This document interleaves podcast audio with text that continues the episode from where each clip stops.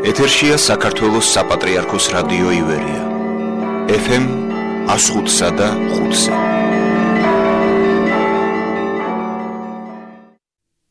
მოგესალმებით, პატივცემულო მსმენელებო.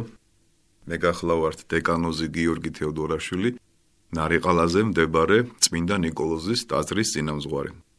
დღევანდელი ჩვენი საუბრის თემა იქნება მართლმადიდებლური სნეულებანი. შეიძლება ეს სათაური ცოტა უცნაურად მოგეჩვენოთ, მაგრამ თუ დაკვირვებით მომისმენთ, მიხვდებით, რომ ეს სნეულებანი ძალიან მრავლად გჭირს ჩვენ თანამედროვე ქრისტიანებს. დავიწყოთ პირველი სნეულებით, თვით დაჯერებულობა. ძალიან თვით დაჯერებულები ვართ და თვით რჯულები. ჩვენ სასულიერო პირებიც და მრევლიც ყოველთვის უნდა ხელმძღვანელობდეთ წმინდა წერილიდან, წმინდა მამათა გარდამოცემიდან, მათი განმარტებებით, სჯულის კანონიდან და ლიტურგიკული ძეგლებიდან. ხაზგასმა იმის, რომ აი მე ვამბობ ამას, მე გეუბნევი შენ, ეს არის თვითდაჯერებულობის შედეგი, რაც ამ პარტავნების და პატივმოყარეობის ناقოფია. რა თქმა უნდა, ჩვენ დარწმუნებული უნდა ვიყოთ იმაში, რასაც ვქადაგებთ, ვის ვემსახურებით, როგორ ცხოვრობთ, რას ვაკეთებთ, მაგრამ ის რომ მე ვამბობ ამას და არაფერი არ მეშლება და დარწმუნებული ვარ, ცოტა არ იყოს შეიძლება სავალალო შედეგები დამთავრდეს.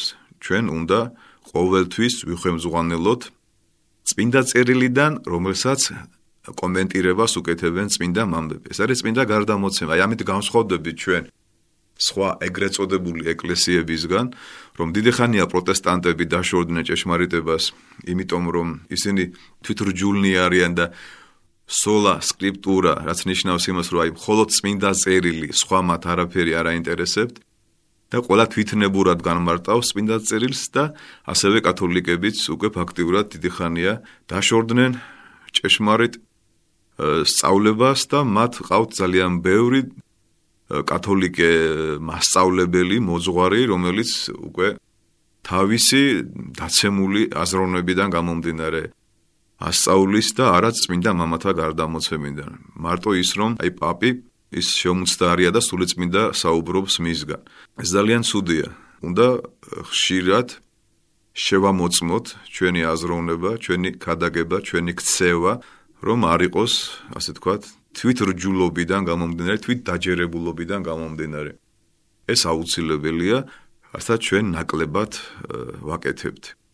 და ყველა ადამიანმა თავის მოძღვართან უნდა შეამოწმოს თავისი ცხოვრების წესი, თავისი აზრები, თავისი ფიქრები, თავისი ქმედებები, რომ მისი ცხოვრება არ იყოს თვითმარქვია ქრისტიანობა, ანუ მე ასე მწამს, მე ასე მჯერა, მე ასე ვფიქრობ, მე მგონია რომ ეს ასია, ეს ისია და ხშირად ადამიანები ხედავენ რომ ძალიან ბევრი ქრისტიანი უკვე აცდა ქრისტიანული ცხოვრების წესს და ქრისტეს მიმდევარი და მიმბაძველი კი არ არის. არამედ თავისი ადამიანური დადგენილებების და ადამიანური ზღაპრების და მოგონილი ფანტაზიების მიმდევარი უფრო ხდება ეს არ უნდა გვეწყინოს არავინ, მე ჩემ თავს მიმართავ პირველ რიგში და ყველა მერე ჩემ სულიერ ძმას და სულიერ შვილს და ყველა იმ ადამიანს, ვისაც უნდა რომ შეამოწმოს თავის ცხოვრება.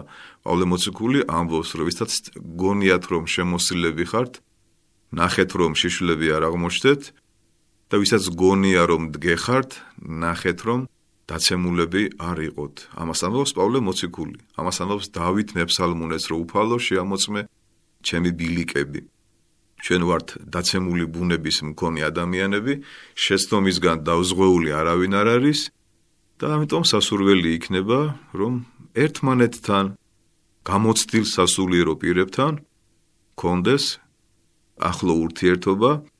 ხშირად ვიკითხოთ წმინდა წერილი მამათა კომენტარებით და მივხვდებით რომ ჩვენ სამწუხაროდ ხშირად საკუთარი აზროვნებით უფრო ვიღებთ გადაწყვეტილებას, ვიდრე ასე თქვათ, ისე როგორც უფალს გაეხარდება. ჩვენ ყოველ დილით ვკითხულობთ, ლოცულობთ მამაო ჩვენოს.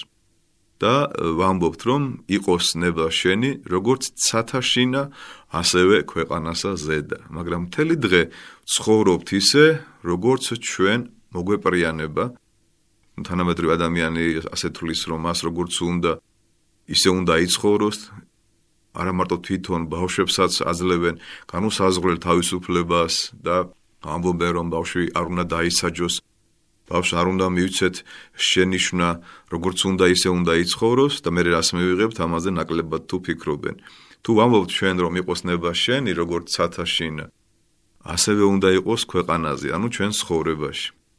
და ეს სამწუხაროდ შეიძლება გვავიწყდება რომ ჩვენ სიცრუით ვცხოვრობთ ვამბობთ ერთს და ვაკეთებთ მეორეს ეს ძალიან ცუდია და სადამდე მიგვიყვანს უკვე ჩვენ ხედავთ რომ ჩვენ ბაგებით ვადიდებთ და ვესაუბრებით ღმერთს მაგრამ ცხოვრების წესი არის საკუთარი პიროვნული აზროვნებიდან და პიროვნული მეობიდან გამომდინარე.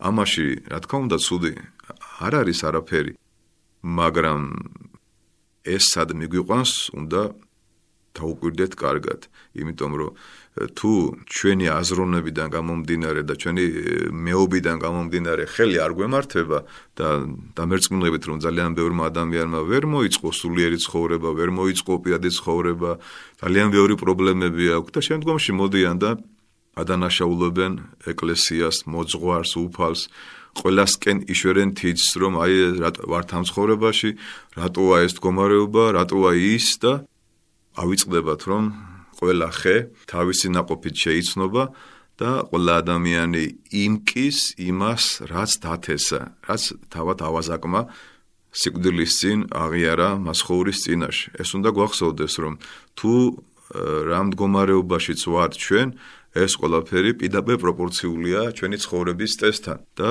ჩვენ მეობასთან, ჩვენ თვით დაჯერებულობასთან.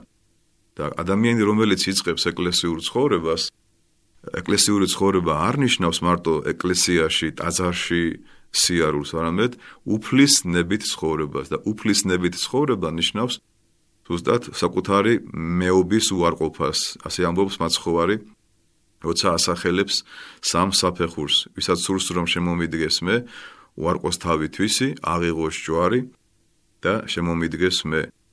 ადამიანი რომელიც თვით დაჯერებულია, ბუნებრივია საკუთარი თავის უარყოფა გაუჭირდება და ის ყოველთვის მოხიბლული საკუთარი აზროვნებით, საკუთარი ცოდნით, გამოცდილებით და განათლებით ცხოვრობს, მაგრამ გვიან ხვდება რომ ეს ყველაფერი კრახით მთავრდება და ადამიანი შედის ჩიხში.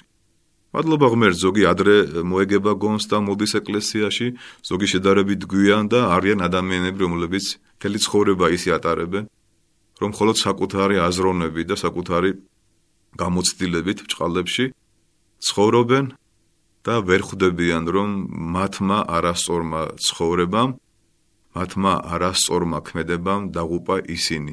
და იმდენად თვითდაჯერებულები არიან და იმდენად დარწმუნებულები საკუთარ სიმართლეში, სიკვდილის წინაც კი არ უნდათ რომ ახსარება თქვან, ზიარება მიიღონ, შეინანონ და ყველაფერს აბრალებენ. ოჯახის წევრებს, საზოგადოებას, მეგობრებს, უფალს, ну თავის თავის გარდა ყველას აბრალებენ ყველაფერს. ეს ძალიან სამარცხინო და სავალალოა ეს ძალიან ცუდია. შემდეგი სნეულება როგორც მამები გვასწავლიან არის სასწაულების ძიება ამ სცენით არის დაავადებული თანამედროვე ქრისტიანი. არა მარტო თანამედროვე ქრისტიანი, არამედ ადრეც ძალიან ბევრი ადამიანი მაცხოვრის დროსაც კი ეძებდა სასწაულებს. აი თავად ეშმაკსაც როცა უფლის დაშვებით იესო გაყავს, ურჩევს რომ თავი გადმოიგდოს ტაზრის ქიმიდან და როგორც დაწერილია 90-ე ფსალმუნში, ანგელოზები აიტაცებენ მას. და მაცხოვარი პასუხობს წმინდა წერილიდან, რომ არ გამოსადო უფალი შენი ღმერთი.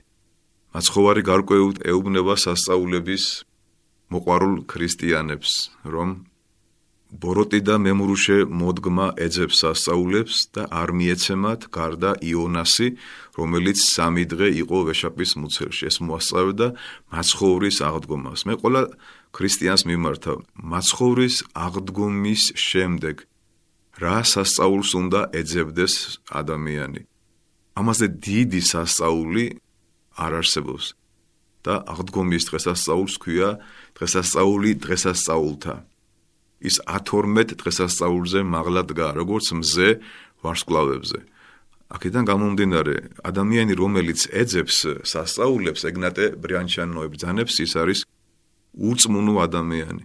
მას ჭირდება დარწმუნება ღმერთის არსებობაში სასწაულებით. თუმცა სასწაულებს უშვებს უფალი, ამაში ცუდი არაფერი არ არის, მაგრამ როცა ადამიანის გონება და სული იკვებება სასწაულებით, მას ყოველ დღე ახალი და ახალი სასწაული ჭირდება. და მაცხოვარი მაგიტომ არ მოსულა რომ ადამიანები სასწაულებით მოექცია. თქო, მან ბევრი სასწაული აღასრულა, მაგრამ მისი პირველი ქადაგება იყო შეინანეთ რამე თუ მოახლოებულია სასუფეველი ცათა. ზუსტად პირველი სასწაული არის ადამიანის შემოbrunება, ადამიანის სინანული აღსარება. ნუ თუ არ არის სასწაული, რომ შენ შენ ძველ ბინძურ ცხოვრებას მიატოვებ და შეიცვლები. თანამედროვე მოაზროვნე ადამიანები ძალიან ხშირად გვეუბნებიან, ადამიანი არ იცვლება. აბა თუ ადამიანი არ იცვლება, მაშინ რაღა აზრი აქვს მის ცხოვრებას, მის ეკლესიურობას, ნათლისღებას, ეკლესიაში სიარულს, ახსარებას, ზიარებას, სინანულს, მაშინ გამოდის რომ როგორიც დაიბადე, ისევ ისეთი უნდა დარჩე, მიდრეკილი ცოდვებისკენ, არასწორი ცხოვრებით და გამოდის რომ შენ უკვე დაღუპულად ახარ გამზადებული. ძალიან ბევრმა ადამიანმა შეცვალა ცხოვრების წესი, ძალიან ბევრი ადამიანი შეიცვალა. რა თქმა უნდა, დამოუკიდებლად ადამიანს არაფრის გაკეთება არ შეიძლება და ზუსტად თუ ადამიანი იღებს ნათელს წმინდა სამების სახელზე, ეს იმიტომ ხდება, რომ მას კარები ეღება სასუფეულის და შემდეგ თავისი ცხოვრების წესით და უფლის მადლით მან უნდა შეცვალოს თავისი ცხოვრება და დაიწყოს ეკლესიური ცხოვრება.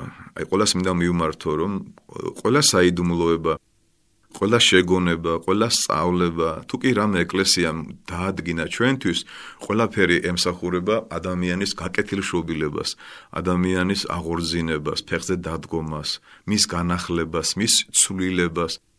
თუ ადამიანი წლების განმავლობაში დადის ეკლესიაში და მასში არაფერი არ იცვლება, მაშინ გამოდის, რომ ის ტყუილად კარგავს დროს. ეს ძალიან ცუდია. წლიდან წლამდე, აღდგომიდან აღდგომამდე, შობიდან შობამდე, კარგია თუ მრევლი და ყველა ის ადამიანი, ვისაც პრეტენზია გააჩნია ქრისტიანულ ცხოვრების წესზე, შეამოწმებს თავის სულიერ მდგომარეობას. ჩვენ გვეხერხება სამწუხაროდ სხვა ადამიანების შეფასება. ხო, აი ძალიან კარგი ანალიზი შეგვიძლია გავაკეთოთ სხვა ადამიანის ცხოვრებაზე, დიაგნოსტიკა. არაფერი შეგვეშლება ისე კარგად ჩამოვაყალიბებთ, ვინ როგორია, ვინ შურიანია, ვინ ბოროტია, ვინ ცოდვილი, ვინ მრუშია, ვინ ქურდია, ვინ ყაჩაღია. მაგრამ ჩვენ უნდა გვახსოვდეს, რომ შეიცან თავი შენი. ჯერ უნდა შეიცნო შენი თავი და შენი თავის შეცნობა როგორ ხდება? საკმარისი ავიღოთ сахарების ნებისმიერი მუხლი, აი ავიღოთ მაგალითად, ну განეკითხავთ, რათა არა განეკითხეთ და თქვათ, აი მე დღეიდან აღარ განვიკითხავ არავის. არ გავა 5 წუთი, რომ მაშინვე ჩავარდები განკითხვაში. ამან უნდა მეგახვედრო შენ, რომ შენ ძალიან სუსტი და უძლური არსება ხარ და აღარ უნდა განეკითხო სხვა ადამიანებს. და სასწაულების ძებნა კი არ უნდა დაიწყო, არამედ მიხვდე იმას, რომ სასწაული უკვე მოხდა ღმერთი შენ აღარ მოგცემ სხვა სასწაულებს, თავარია საკუთარი თავის გამოსწორება, რაც ყველაზე დიდი სასწაულია, ის აღასრულო და ასე შეუდგე ქრისტეს. დღეს სამწუხაროდ ძალიან ბევრი არის შეპყრობილი სასწაულების ხილვით და სოციალურ ქსელში განსაკუთრებით ხედავთ უამრავი ხატები, უამრავი რაღაც გარკვეული ადამიანები გადმოგცემენ ჩვენ სასწაულების შესახებ. ამაში ცუდი, რა თქმა უნდა, არაფერი არ არის, მაგრამ მე მინდა თქვენ გასწავლოთ მართლმადიდებლური აზროვნებით, როგორ მიუდგეთ ამა თუ იმ სასწაულს და ამა თუ იმ გარკვეულ უჩეულო მოვლენას. ჩვენ არც მაშინვე ვიჯერებთ და არც მაშინვე უარყოფთ.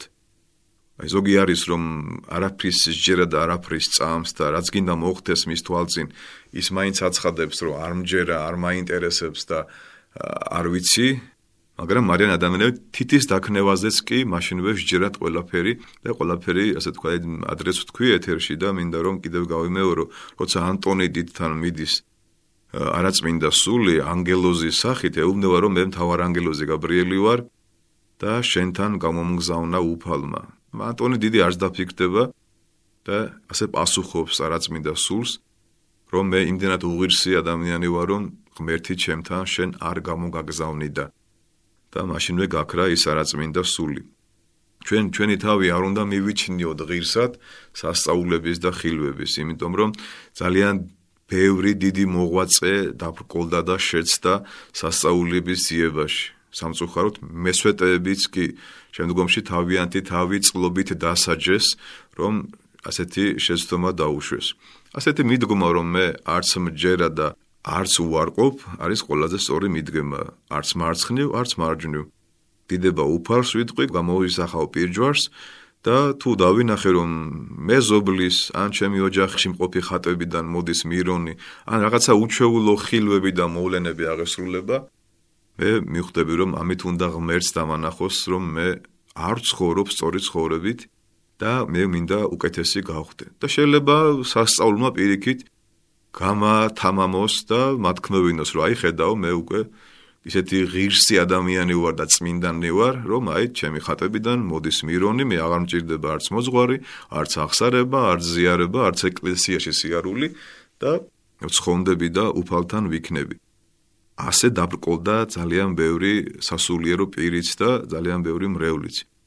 ჩვენ ერთი რამ ვიცოდეთ ყოველთვის, როგორც კი რამე უჩოულო მოხდება, რამე სასწაულის სახით ხილვით გამოცხადებით, გადავიწეროთ, გამოვისახოთ ბირჯვარი და თქვათ, ღმერთო მილხინე, ცოდვილ საამას და შემიწყალე მე. უფალო იესო ძეოხთისაო შემიწყალე მე და მაშინვე წავიდეთ და თქვათ ახსარება. თავ მოწონებით კი არა, არამედ თქვათ, რომ აი უფალმა ინება ჩემი მოხედვა და ჩემი ცხოვრების წესი მინდა რომ შევცვალო და უფრო უკეთესი გავხდე. და არა თავი დავიჯეროთ ისე რომ რა ვიცი ვფიქრობ რომ საჭიროა შევეხო სიზმრებსაც. აი ძალიან ბევრი ადამიანი აცხადებს რომ კარგი სიზმრები აქვს სასწაული სიზმრები აქვს მისი სიზმრები ცხადდება ყოველთვის და ზოგი ადამიანი პირიქით ამბობს, რომ აი ეკლესია სიზმრებს უარყოფს და არანაირი სიზმარი არ არსებობს და ასე შემდეგ. ეს ორი უკიდურესობაა, რა თქმა უნდა, ეკლესია აღიარებს სიზმარს ბიბლიაში ძალიან ბევრი ადგილებია, სადაც ძველ და ახალ აღთქმაში სიზმარი არის აღწერილი. იოსებს ზმანებაში გამოეცხადა ანგელოზი, დანიელს გამოეცხადა და ძალიან ბევრი დიდ წმინდა მამას თუ მოციქულს, აი პაულეს მაგალითად, პეტრეს უბრალოდ ჩვენ უნდა ვიცოდეთ, რომ სამი ტიპის სიზმარს იცნობს ეკლესია. პირველი ეს არის ღვთაებრივი, მეორე ეს არის ეშმაკის და მესამე ეს არის ფსიქოლოგიური, ადამიანური, შვინვიერი ბუნებიდან გამომდინარე. როგორ გავარჩიოთ, რომელი სიზმარი როგორია? ძალიან რთულია, რა თქმა უნდა, ჩვენ სიზმრების ახსნა განმარტება დავიწყოთ, მაგრამ აი ჩვენი მიდგომა იქნება კარგი თუ გვეცოდინება, რომ თუ ჩვენ გავიღვიძეთ აღშფოთებულებმა რომ აი მე სამჟავროზე ვიდექი და პასუხ მთხოვდნენ. შეწუხებული ვარ მთხოვდნენ პასუხ ჩემი არასწორი ცხოვრებიდან გამომდინარე და შეშინებულმა და აღშფოთებულმა გავიღვიძე და მომინდა მაშინვე წასვლა მოზღვართან ეს არის ღვთაებრივი სიზმარი და კარგი იმიტომ რომ აი შენ გამოგაფხიზლა შენ ასაც აშავებ ვერ ხვდები და ამ დროს აი სიზმარში შეგეხო ღმერთი და რომ გაიღვიძე შენ მაშინვე გაგიჩნდა სურვილი დაგეწყო ლოცვა მისულიყავი ეკლესიაში, გეთქვა აღსარება და გეწყო კეთილი საქმეების კეთება. იმისგან შეშინებულმა, რომ აი მე ბოლოს როცა მოვა მასხოვარი მეორედ და მე გარდავიცვლები, მე მომეკითხება ჩემი ცოდვები და ადამიანი უკვე ასეთი სიზმრიდან გამომდინარე იწებს ეკლესიურ ცხოვრებას. მე არ ვიცი ასეთი სიზმარი ვის ქონია, მაგრამ არიან ადამიანები, რომლებმაც ძალიან ბევრი რამე შეცვალეს სიზმრის ნახვის შემდეგ. მეორე სატანური სიზმარი, რომელიც ჩვენ ხშირად ღვთაებრივი გონია, ეს არის, როცა ადამიანი ძალიან დამშვიდებით და ბედნიერი სახით იღვიძებს და აცხადებს, რომ ძალიან კმაყოფილია, galaghebulia, მშვიდია, სიხარული და სიყვარულით ახსავსია. ისეთი ადამიანები ნახა სიზმარში, ისეთი კარგი გარემო ნახა, რომ მას გარშემო ანგელოზები ეხვივნენ და ნეტარ მდგომარეობაში ცხოვრობდა. ეს ძალიან საეჭვო სიზმარია, იმიტომ რომ დიდი ალბათობით ეშმაკი ადამიანს როგორც დღისით ასევე ღამით როგორც ფხიზლად ასევე სიზმარში აცტუნებს და აჯერებს, რომ ყველაფერი კარგად არის, შენ არ გჭირდება არანაირი ცვლილებები, შენ არ გჭირდება არანაირი მოძღვარი და ეკლესია, შენ ისედაც კეთილშობილი და კარგი ადამიანი ხარ, აი ანგელოზები გეცხადებიან ძილში, უფალიც იხილე მგონი და ყველაფერი კარგად იქნება, შენ ყველაზე საუკეთესო ადამიანი ხარ და შენ შეგიძლია ახლა ეს ყველაფერი იქადაგო და სხვებს ასწავლო როგორ უნდა იყვნენ კარგი ადამიანები. ეს ძალიან საეჭვო სიზმარია და ვფიქრობთ, რომ ეს არაწმინდა სულისგან არის. მესამე ეს არის უკვე ფსიქოლოგიური სიზმარი ადამიანის გადაღლილობიდან გამომდინარე სტუდენტი იქნება თუ მუშა პროფესორია თელი დღე რომ რაღაც გარკვეული საკითხებით არის დაკავებული ღამე ბუნებრივია ეს ყველაფერი მის აზროვნებაში იჩენს თავს და გადაღლილი, დამწუხრებული, რაღაცა პრობლემა რო აქ ადამიანს გადასაჭრელი, აი ამ საკითხებით დაზინებული ადამიანი თელი ღამე ებრძვის, თქვათ, რაღაც გარკვეულ პრობლემებს, რომ ის გადაჭრას და მას ელანდება გამოცდა, ელანდება სამსახური, უფროსი, ქვეშევრდომი, მტერი, მოყარე, მოვალე, ბანკის ვალი და ასე შემდეგ. ეხლა ამაზე მე მგონი ბევრი საუბარი აღარ არის საჭირო. ისედაც მიმიხვდით რა შეხება ეს ყველაფერი. ამიტომ სასურველია რომ ჩვენ ეს ნეულება, ასაც სასწაულების ძიება ქვია, მოვიშოროთ და არ ვიფიქროთ სასწაულების ხედვაზე. მესამე მართლმადიდებლური სნეულება ეს გახლავთ ზერელე ახსარება. ძალიან საინტერესო მდგომარეობა და მერწმუნეთ რომ აი მაგალითად მე ყოველთვის ვეუბნები ჩემს სულიერ შვილებს რომ როცა თქვენ კვირას ან შაბათს ეკლესიაში ახსარებაზე მოდიხართ და ხალხი ბევრია ვერ ასწრებთ ახსარების თქმას და სამწუხაროდ ახსარება იქ გახდა ზიარების საშვი რომ აი მე იმიტომ მინდა ახსარების თქმა რომ მაზიაროთ ეს ძალიან ცუდია იმიტომ რომ ახსარება სინანული საიდუმლოება სხვა საიდუმლოება ზიარება სხვა საიდუმლოება. უბრალოდ ეკლესიამ დაადგინა რომ თუ გინდა რომ შენ წმინდა ზიარება მიიღო უნდა შეამოწმო შენი თავი როგორც პავლე მოციქული ბრძანებს რა მდგომარეობაში ხარ და მე კურთხევა მიიღო მოზურისგან ზიარების მიღებაზე. შენ არ წყვეტ ზიარები თუ არა, მოზღვარმა უნდა მოგცეს კურთხევა ზიარების. და აქედან გამომდინარე, ახსარება უკვე რაღაც ზერელე ქმედებად გადაიქცა, ჩამოწერილი ფურცლებით მოდიან ადამიანები. მოზღვართა დიდი ბევრი დრო არა აქვს, რომ ყველა ცოდვაზე რაღაც გარკვეული დარეგება მისცეს, მოზღვარი გადახედავს, გადახევს ფურცელს უკვე გონია რომ მან უკვე თქვა ახსარება, მიიღო საშვი და უნდა მიიღო წმინდა ზიარება. და აი ამ დროს მე ადრეს გითხარით და კიდევ გინმიდა გითხრათ რომ აი ახსარება არის ძველი ქართული სიტყვა. ფუზი არის საარება. აი ის არის რაღაც სიმღერაც რო არის მელოდია დილის საარი. რაღაც ეს გლოვა, მწუხარება. აღ საარება ნიშნავს გულიდან და სულიდან აღმოთქვას, წუხილის, დარდის, რა ჩვენ გვაწუხებს, აი ამ ყველაფრის აღმოთქვა, სნიშნავს ახსარება და ამას ადამიანი ბუნებრივია, რამოდენიმე წუთში ვერ მოასწრებს და უნდა დაუთმოს დრო.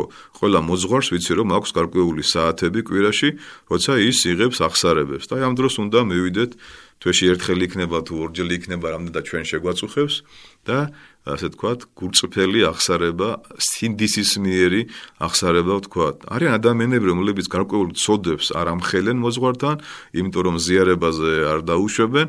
ბევრს უთქვას, რომ ადრე არ ვამბობდი ამას და მეგონა რომ არ მაზიარებდით და მალავენ გარკვეულ ცოდებს იმის გამო რომ არ დაყენდნენ ზიარებიდან. ეს ძალიან დიდი ცოდვაა. ფაქტიურად იუდა გააკეთა ეს და მასხორმა აზიარა იუდა, მაგრამ იუდა ზიარების შემდეგ იუდაში შევიდა ეშმაკი. ამაზე მინდა რომ თქვენ გაამახვილოთ ყურადღება, რომ თუ ადამიანი ზერელეთ მიუდგება ახსარებას, დამალავს სოდვებს, დროს ვერ გამონახავს ახსარების სათქმელად და ისე ზერელეთ იტყვის ახსარებას და განცდის garaშე და სინანულის ტრემლის garaშე ბუნებრივია, ეს იქნება ძალიან ზერელე ახსარება, რაც შემდგომში საერთოდ დაკარგავს თავის შინაარს და ადამიანისთვის ახსარება და სინანული გახდება უბრალოდ რაღაც ესეთი მარტივი მოქმედება, ის გამოც უნდა მივიდეს ეკლესიაში. და როგორ მივხვდეთ ახლა ჩვენ აი ყველა ადამიანს უნებრივია, ვინც წლების განმავლობაში დადეს ეკლესიაში და სულიერად ცხოვრობს, უნდა აინტერესებდეს, ხო, რამდენად ის სულიერად წინ მიდის და როგორი არის მისი სულიერი მდგომარეობა. ძალიან მარტივია, თუ ადამიანი საკუთარ თავში ზღვის ქვიშასავით უამრავ წოდებს აღმოაჩენს, ეს ნიშნავს იმას, რომ ის სულიერად იზრდება და მან დაიწყო სულიერი ცხოვრება. და თუ ადამიანი ფიქრობს, რომ აი мамаო რა უნდა გითხრა, რა ვიცი, აი ვერაფერს ვერ ხედავ, არაფერი აღარა მაქვს სათქმელი და მაზე არის რა. ეს ადამიანი არის ნეულებაში და თვალები მას აქვს დაბრმავებული. ის სულიერად ყდარია ფაქტიურად.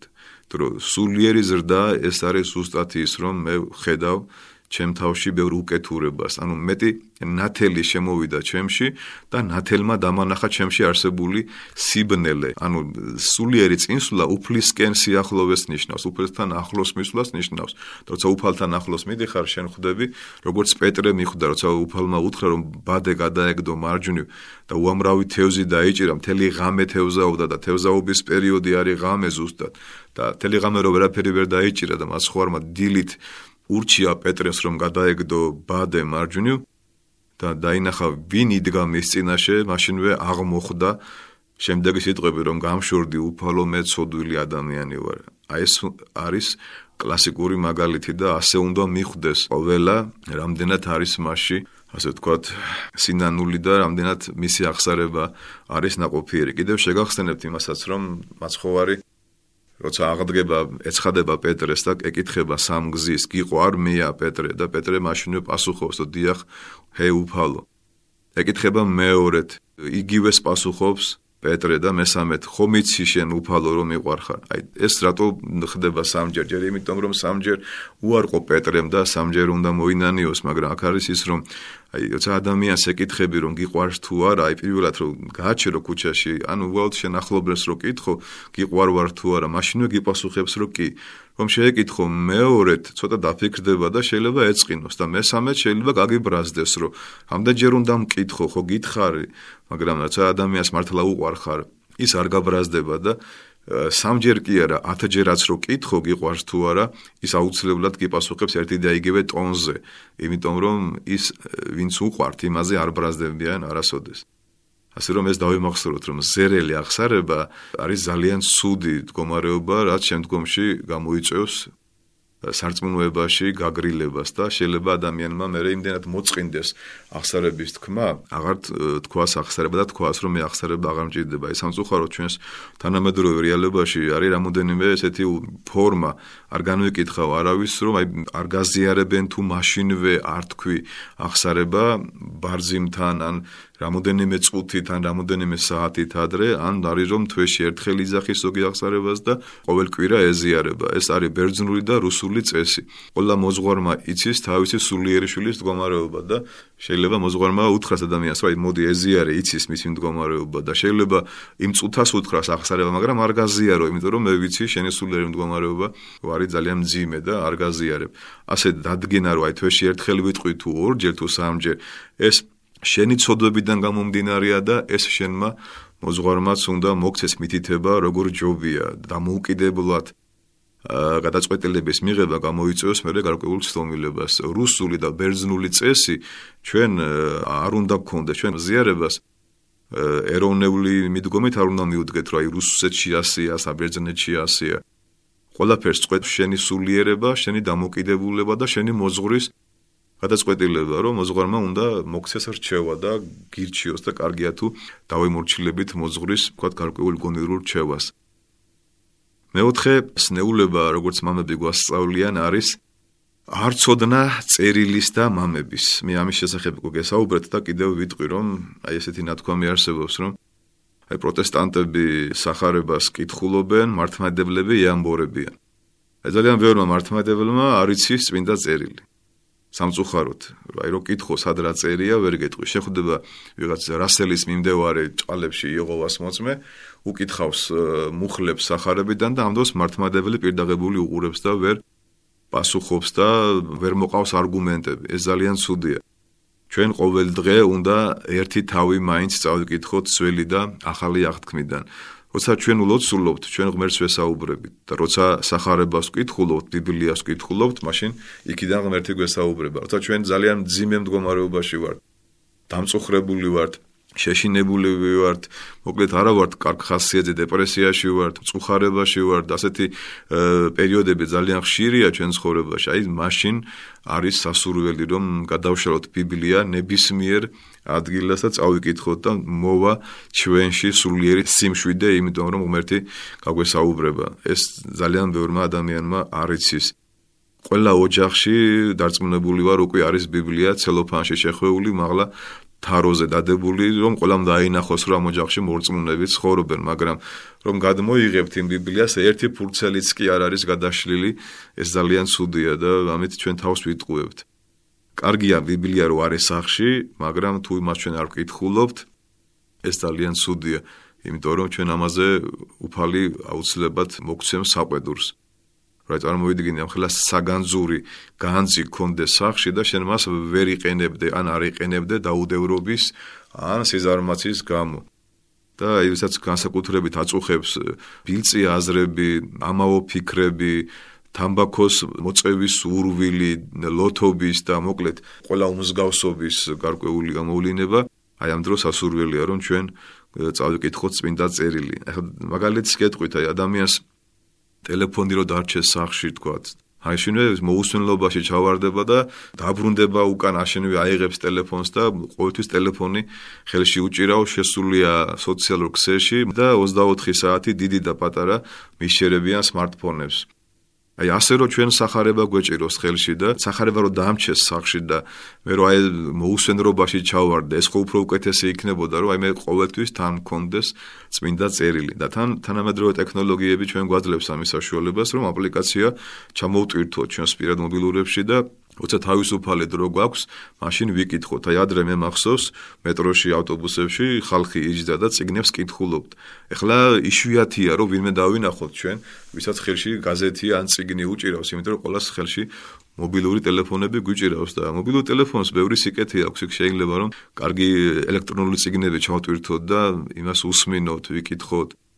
უამრავი რამე შეიძლება, მაგრამ ჩვენ მარტო ვიგებთ არჩევნებში, ვინ გამოიმარჯვა, ვინ მოკლეს, სახლიდან გამოასახლეს და მოკლედ ესეთი რაღაც მოვლენები უფრო გვაინტერესებს, ვიდრე ის, რომ აი წავიკითხოთ, მე ხმა ვის უნდა მივიცე, როგორ ადამიანი უნდა ავირჩიო არჩევნების დროს და ვინ არის კარგი, ვინ არის ცუდი, როგორ მივხვდე ვინ სწორად საუბრობს თუ ვინ არასწორად საუბრობს და ასე შემდეგ. ეს ყველაფერი წმინდა წერილის ცოდნიდან არის გამომდინარე და როგორც აღან გითხარით, მარტო წმინდა წერილი არა, როგორც კათოლიკები ამბობენ, sola scriptura, იმიტომ რომ თუ მარტო წმინდა წერილს ავიღებ, მე ძალიან ბევრ წინააღმდეგობაში მოვალ და ბევრ რამეს ჩემებურად გავიგებ, რაც მე გამოიწვევს ჩემს სტარ აზროვნებას და აუცილებლად უნდა დიდი მამების კომენტირება ნახო, რაც წინა გარდამოცემა და იმის მიხედვით ვიმსჯელო ამა თუ იმ გარკვეულ საეკლესიო სწავლებაზე, რომ მე მე არ ჩავარდე რაღაც თვით დაჯერებულობაში და თვით რჯულში.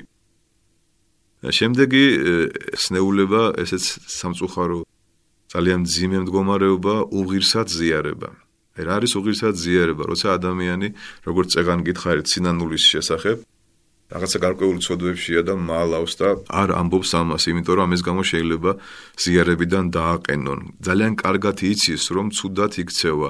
ძალიან კარგად იცის თავისი შეცდომები. აი იუდამ იცოდა, რომ თავისი მასწავლებელი და მოძღვარი გაყიდა და მაინც მივიდა და ეზიარა. და ამ დროს მასში უფრო იმის მაგივრად რომ გამოკეთებულიყო და დაბრუნებულიყო ჭეშმარიტებასთან გადარჩენილიყო მასში შევიდა ეშმაკი. ეს ძალიან ძიმე მდგომარეობა, რომ აი პავლე მოციქული ამბობს, რომ სანამ ეზიარებით გამოსადეთ თქვენი თავი, იმიტომ რომ ვინც არ იყო მომზადებული ზიარების, შემდგომში დასნეულდაო და მოკვდაო. ანუ არასწორი ზიარებით ადამიანები კოდებიან და სნეულდებიან. და მას თვითონ ვერ ხვდებიან სამწუხაროდ და საჭიროა რომ ჩვენ თქვათ გულწრფელი ახსარება რომ ჩვენი ზიარება არ იყოს უღირსად ზიარება. აი წარმოვიდგინეთ ადამიანი რომელიც თამბაქოს ეწევა ხშირად და ნუ მოძღვარი მაინც უშვებს თქვათ რა აი მოდი და იქნებ გამოკეთდე იქნებ რაღაც და ის მაინც აგძელებს თამბაქოს მოწევას ის მაინც აგძელებს სოდვაში ყოფნას და სისტემატურად მოძღვრის კეთილ სინდისიერი დამოკიდებულებით და მეგობრული დამოკიდებულებით სარგებლობს და ის მაინც მიდის და უხერხულ მდგომარეობაში აყენებს მოძღვარს და მოძღვარის ეკონომიას უშვებს მასზე და აძლევს ზიარებას. ასევე მინდა დავძინო რომ ზიარების თავარი დანიშნულება ეს არის როგორც სახარებაში წერია და თავად მაცხოვარი ამბობს და მას ჩვენ წირვა ლოცვაზე ყოველთვის ვიმეორებთ რომ მიიღეთ და სჭამეთ ესეას ხორცი ჩემი თქვენთვის განტეხილი მისატებებლად სოდვათა. ეს არის სისხლი ახალი აღთქმისა თქვენთვის და მრავალთათვის დათხეული მისატებებლად სოდვათა. ანუ ზიარების მთავარი დანიშნულება ეს არის ადამიანი განიწმინდოს ცოდვებისგან და დასამაღლებელიც არის როცა წირვაზე თავად მოძღვარი კითხოს განსაფრთხობლად სულისა, ანუ სულის განსაწმედლად, სულის დასამშვიდებლად და ყოველგვარი უკეთურების მოსაცილებლად. იმის თქმა რომ მე ღირსი ვარ ზიარების, რა თქმა უნდა, არასწორია. ან იმის თქმა რომ მე უღირსი ვარ. ჩვენ ზიარების ღირსი ვერასდროს ვერ გავხდებით. თუ არა ღვთის მოწყალება და თუ არა მოძღვრის ლოცვა კურთხევა და მოძღვრის დაშვება. ასე რომ გთხოვთ რომ თქვენ თვითონ ნუ დააყენებთ თავს ზიარებიდან ლოგი ამბობს აი მე არა ვარ. ზიარების ღირსი და წელიწადში ერთხელ ეზიარებიან ისიც აღდგომას და აღდგომა ღამეს რა ვინმე არის ზიარების ღირსი ან შობა ღამეს რა თქმა უნდა ასევე ასეთი მცდარი დამოკიდებულება, რომ აი, მოდი დღესასწაულია დღეს და ვეზიარები. რა შუაშია დღესასწაულია და ეზიარები, თუ არა ხარ მზად და თუ არ მოგცა კურთხევა მოზღვარმა, არც დღესასწაულზე უნდა ეზიარო და არც რიგით დღეს, ხო? აი ესეთი მაგათ ექიმა რომ წამალი დაგინიშნა, რომ ეს წამალი მიიღე დღეში სამჯერ, შენ ელოდები დღესასწაულის დადგომას თუ როგორც ექიმა გითხრა, შეულებრივ დღეებშიც იღებ ამ წამალს, ხო? ზიარება ხომ მოწყალება ღვთისა სისხლი და ხორცია იესო ქრისტესი და ჩვენ მას როგორც სული საკურნებლად ვიღებთ და საცხონებლად ვიღებთ. და აქედან გამომდინარე, მას აუცილებლად ჭირდება ძალიან გულმოდგინეთ მომზადება და ღვთის მოშიშებით სინდისის მიერი ახსარების თქმა. მეექვსე სნეულება მამების შეგონებით ეს არის მაგიური ღვთისმსახურება. პირველი ის რომ ჩვენ წირვალოცვაზე მოვდივართ, არ უსმენთ არაფერს, არ ვიცით რა ხდება წუხრზე, რა ხდება ცისკარზე, რა ხდება წირვაზე, რა ხდება საკურთხეველში, რას ამბობს ხუდელი დიაკვანი, რას გალობს გუნდი, რას კითხულობს. ციგნის კითხველი მაგია ნიშნავს, როცა მე გაუგებარი სიტყვებით და გაუგებარი ქმედებებით ვადიდებ ღმერთს და რაღაცებს ვაკეთებ, არ ვიცი რას ვამბობ, არ ვიცი რას ვაკეთებ და ამ დროს გონია რომ ღმერთს შემსახურე. ეს არის მაგია ზუსტად. ძალიან ბევრმა ქრისტიანმა არ იცის არანაირი არც სიმბოლოები, არც განმარტებები რა ხდება წირვალოცვაზე. ეს აუცილებლად უნდა შევისწავლოთ, ამას ბუნებრივია ყველა მოძღვარი გასწავლით და სამრელო სკოლებში უნდა ისწავლებოდეს ეს. ასევე არის მაგიური, თქვათ, ნათლობა, ჯვრის წერა, როცა შენ ესტრები ნათლია ხარ, და აზრზე არ ახარ ასაკეთებ ამ დროს ხო? ამ დროს მოძღვარი გეუბნება რომ სამგზის შიანერწყვეშ მაქვს შენ ანერწყვებ იცინის გონია რაღაცა გასართობი მდგომარეობა ამ დროს და აზრზე არ ახარ საკეთებ ჩვენ უნდა უცბად ყველა მიმრქმელს ნათლიას მეჯვარებს უნდა ვკითხოთ რომ თავისი ფუნქციები იცოდნენ და იყვნენ ეკლესიურად მოაზროვნე და მასხორებელი ადამიანები. როგორ შეიძლება ნათლია წამსი არ იცოდეს და საერთოდ არ ცხოვრობდეს ეკლესიური ცხოვრებით? ასეთი ნათლია რა შეგვჭირდება მე არ მესმის. და ასევე ჯვრის წერის დროს თორსა მოძღვარი საოცარ ლოცვებს კითხულობს არავინ არ უსმეს აი სახარება წაიკითხა, 60 ქულო წაიკითხა, ბოლოს დალოცა და სამწუხაროდ ბევრისთვის ძალიან გაუგებარი იყო, უბრალოდ იღებენ ფოტოებს, პოზირებენ ამბიონზე, გამწყენებული სახეებით და აზრზე არ არიან ამ დროს რა საიდუმლო აღესრულა ასნიშნავს ჯვრის წერა, ნათლისღება და ასევე სახლის კურთხევა. ადამიანი არ ცხოვრობს ეკლესიური ცხოვრებით, არ მარხულობს, არ ლოცულობს, მაგრამ ეგონია რომ მოძღვარს რომ მიიყვანს სახში, გამდიდრდება სამსახურს შეიცვლის, ავტომობილს შეცვლის, რემონტს გააკეთებს, ყველაფერი კარგად იქნება და წარმოდგენა არ აქვს, რას ნიშნავს სახლის კურთხევასა. საქესთან შევიდა ქრისტეს ზაქემ შეცვალა ცხოვრების წესი და ზაქემ ახალი ცხოვრება დაიწყო, რაც მოპარული ქონდა ორგზის, ოთხგზის გას, ანუ სახლის კურთხევა ნიშნავს. ზოგადად მაცხოვარი ამბობს შემდეგ სიტყვებს რომ დღეს იქმნა ცხოვრება სახლსა ამას. ეს კი იყო ცოდვილი კაციო მაგრამ აი ეს მან შეინანა თავის ცხოვრების წესი და დღეს გადარჩაო ეს სახლი, ანუ სახლის კურთხევა როგორც ნათლისღება, დაიბადოს რწმენა, სიყვარული და თუ არის, უნდა გამტკიცდეს უფრო მეტად და უფრო მეტი წყალობა და სიკეთე უნდა იყოს. ის ოჯახი ახლოს უნდა იყოს უფალთან.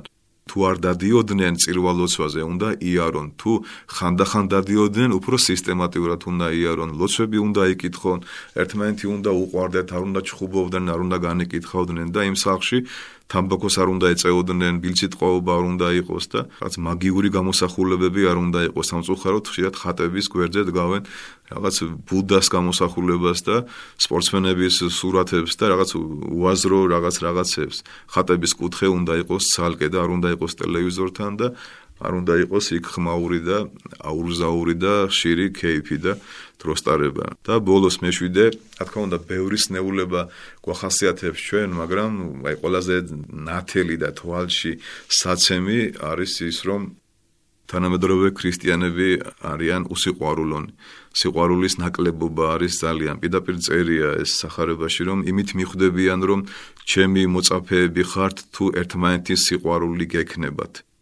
და ჩვენ ხედავთ რომ თანამედროვე კაცობრიობა შევიდა უკვე აპოსტასიის ეპოქაში, ხანაში, რაც ნიშნავს რომ განხმება სიყვარული მრავალთა. ამას ამბობს მაცხოვარი, ანუ ამას ამბობს წმინდა წერილი, რომ მეორეთ მოსulis წინ, სანამ აპოკალიფსი დაიწყება, წინუ ზღვის საყოველთაო განდგომილება ძალიან ბევრი ადამიანი მიატოვებს ეკლესიას ძალიან ბევრი ადამიანს გაუჭირდება ადამიანის სიყვარული დედა შვილის, мама შვილის, მოკლედ დედმამიშვილების, მშობლების, ეროვნულობის და სამშობლოსი ყველა ადამიანში უმრავლესობაში დაისადგურებს უსიყვარულობა. წერია კიდეც რომ თუ ჩემი სახელით ვინმე ერთ ჭიქა წყალს დაგალევინებთ, მას არ დაეკარგებაო. მომავალ ცხოვრებაში. აი ნახეთი როგორ გადაგვარდება ხალხი რომ ვიღაცას დროს თხოვ ერთი ჭიქა წყალი დამალევინე შეიძლება ამაზე უარი მივიღოთ და მე რა ვიცი ვფიქრობ რომ ყველა მოძღვარს, ყველა მრევლს, ყველა ადამიანის პირველი სავიზიტო ბარათი უნდა იყოს, აი როცა ამბობენ რომ თავარი რა არის მოძღვარში, ხო ზოგი ასახელებს რომ სულიერება, ზოგი ასახელებს რომ განათლება, რა თქმა უნდა, სულიერებაც უნდა კონდეს მოძღვარს, განათლებაც და თავდაბლობას, მაგრამ სიყვარულის garaშე არც მისი თავდაბლობა კარგი, არც მისი განათლება იქნება, იმიტომ რომ ის ამ პარტავნებაში გადავა და არც მისი ქმედებები იქნება მიზანშეწონილი. პირველ რიგში არის სიყვარული, ჩვენი ღმერთი არის სიყვარულის ღმერთი. ასე ამბობს იოანე ღვთისმეტყველი, ღმერთი სიყვარული არის. ადამიანს რომელსაც უსიყვარულობა დასჩემდა და დაემართა, მას ბუნებრივია უკვე ღმერთი აღარ უყვარს და ძალიან შორს არის ღმერთისგან. და ღმერთის შვილები რომ ვართ, ეს უნდა შეგვატყონ ჩვენ წარმართებმა სიყვარულიდან არა მარტო იმით, რომ მე დედა მიყვარს და мама მიყვარს და ოჯახის წევრები, არამედ ტერიც უნდა გვიყვარდეს ჩვენ. ასე ითხოვს ეკლესია. ეს არის ყველაზე დიდი სასწაული, რომ ტერი გიყვარდეს, მაგრამ ტრის სიყვარულზე კი აღარ არის ლაპარაკი რა. ვინც გევალება, ვისი სიყვარულის გევალება, ის არ გიყვარს და რა უმელი ტრის სიყვარულზეა საუბარი. და ამიტომ არის რომ მაცხოვარი ბრძანებს რომ ორი დიდი ცნება არის ჯულში.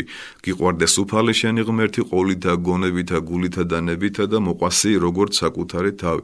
საკუთარი თავიც უნდა გიყვარდეს რა თქმა უნდა ოღონდ საკუთარი თავის სიყვარული არ უნდა დააყენო წინ ღმერთის და მოყვასის სიყვარულზე. ეს უკვე ეგოისტობა და ამპარტაუნება იქნება მაგრამ თუ გიყვარს უფალი გეყვარება მოყვასიც და თუ მოყვასიც გეყვარება ბუნებრივია შენი თავიც გეყვარება და ამაში ცუდი არაფერი არ არის.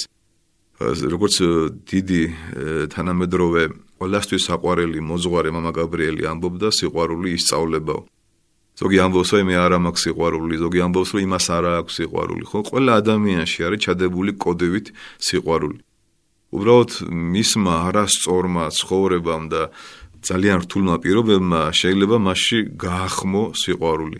დაიკარგა მასში, დაშრიტა ზუსტად სიყვარულის გზნობა, მაგრამ ზუსტად ეკლესიურ ცხოვრებას, ეკლესიურ აზროვნებას, უფალთან ხშირ ურთიერთობას, ხშირ აღსარებას, ხშირ ზიარებას, წმინდა წერილის კითხვას შეუძლია ადამიანში დააბრუნოს ღვთაებრივი სიყვარული. ესეც უკვე სხვა თემა, არსებობს ღვთაებრივი სიყვარული, ადამიანური და ბუნებრივი სიყვარული, მაგრამ ჩვენ უნდა ვიცოდეთ, რომ ჭეშმარიტი სიყვარული არის ზუსტად, როცა შენ გიყვარს უფალი, გიყვარს მოყვასი და შენ შეგიძლია თავი გაწირო ღმერთისთვის, სამშობლოსთვის და სხვა ადამიანებისთვის. როცა გიყვარს ყველა ისე როგორც საკუთარი თავი, როგორც საკუთარი სამშობლო გიყვარს სხვა ქვეყნებით, როგორც საკუთარი მოძღვარი, ისე გიყვარს სხვა მოძღვრებით, როგორც საკუთარი მშობლები, ისე გიყვარს სხვა მშობლებიც, როგორც საკუთარი შვილები, ისე გიყვარს სხვა ადამიანის შვილებით. ეს არის ღვთაებრივი სიყვარული.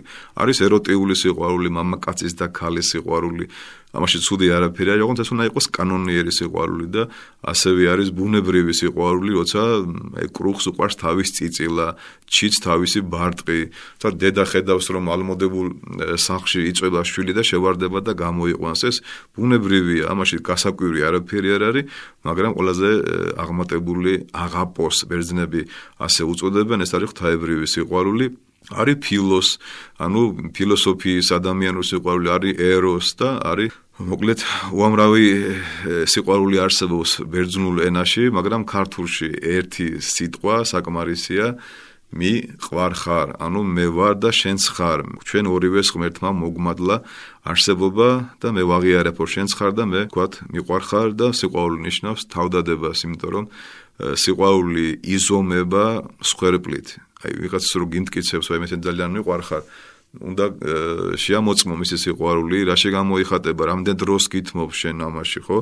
და იესო ქრისტემ როგორ დაგვიმტკიცა რომ ჩვენ უყარო ვართ, მან თქვა რომ იმაზე მეტი სიყვარული არ გააჩნია არავის, ვინც თავის სულს მეგობრების გამო დაასწრებსა და თქვენ ჩემი მეგობრები ხართ. ანუ ჯვარცმით მსხვერპ შეწირვით დაამტკიცა განკაცებულმა ღმერთმა ჩვენი სიყვარული და ჩვენ რა გვევალება რომ ჩვენც ჩვენი ცხოვრების წესი და ამხსარებლობით ვაჩვენოთ უფალს როგორ გვიყვარს ის რამდენ დროს უთმობთ მას რამდენ სიკეთეს ვაკეთებთ როგორი სიყვარულია ჩვენში როგორ გვიყვარს ჩვენ საზოგადოება ოჯახის წევრები ნათესავები და როგორ გვიყვარს ჩვენ მტერი.